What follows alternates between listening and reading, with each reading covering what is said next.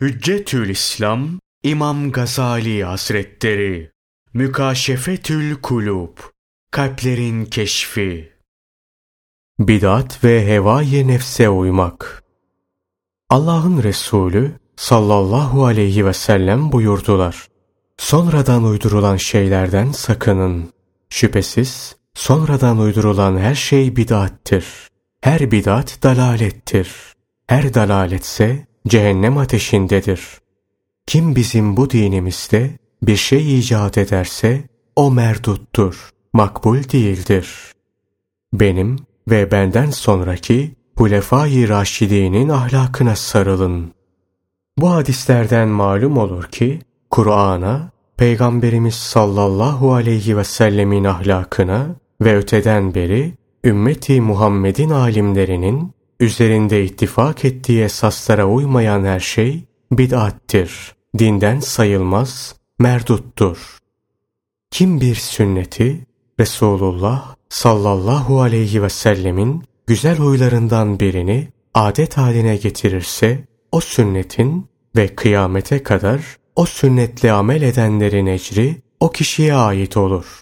Kim bir kötü huyu adet haline getirirse o kötü huyun ve o kötü huyla kıyamete kadar amel edenlerin günahı o kimseye ait olur. Katade, şüphesiz ki emrettiğim bu yol benim dosdoğru yolumdur. O halde ona uyun. Başka yollara tabi olup gitmeyin. Sonra bunlar sizi onun yolundan ayırır. İşte Allah size bunları emretti ki kötülüklerden sakınasınız. Mealindeki ayeti okuyarak der ki, Biliniz ki yol birdir. Tamamı hidayettir. Gittiği yer cennettir. İblis birçok yollar icat etmiştir. Tamamı dalalettir. Sonu da cehennemdir.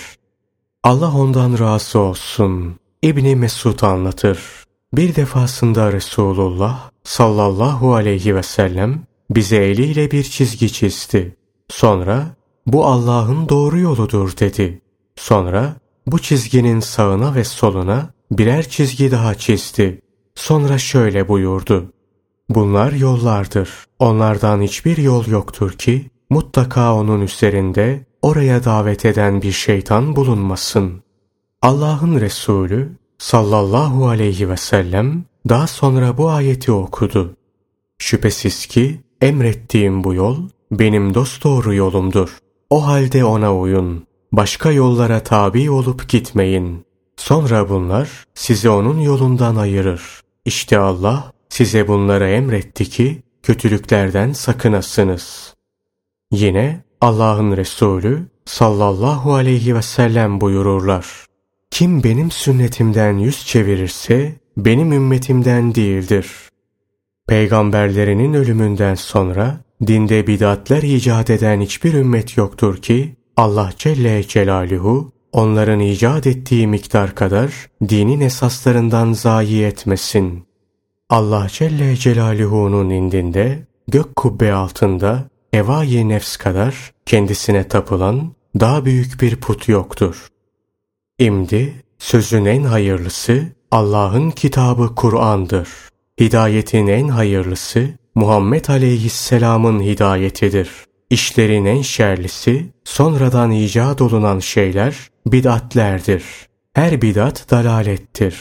Ben sizin karınlarınızın, şehvetinizin ve hevanızın, nefsani arzularının azmasından korkarım. Bidatlerden sakınınız. Şüphesiz her bidat dalalettir.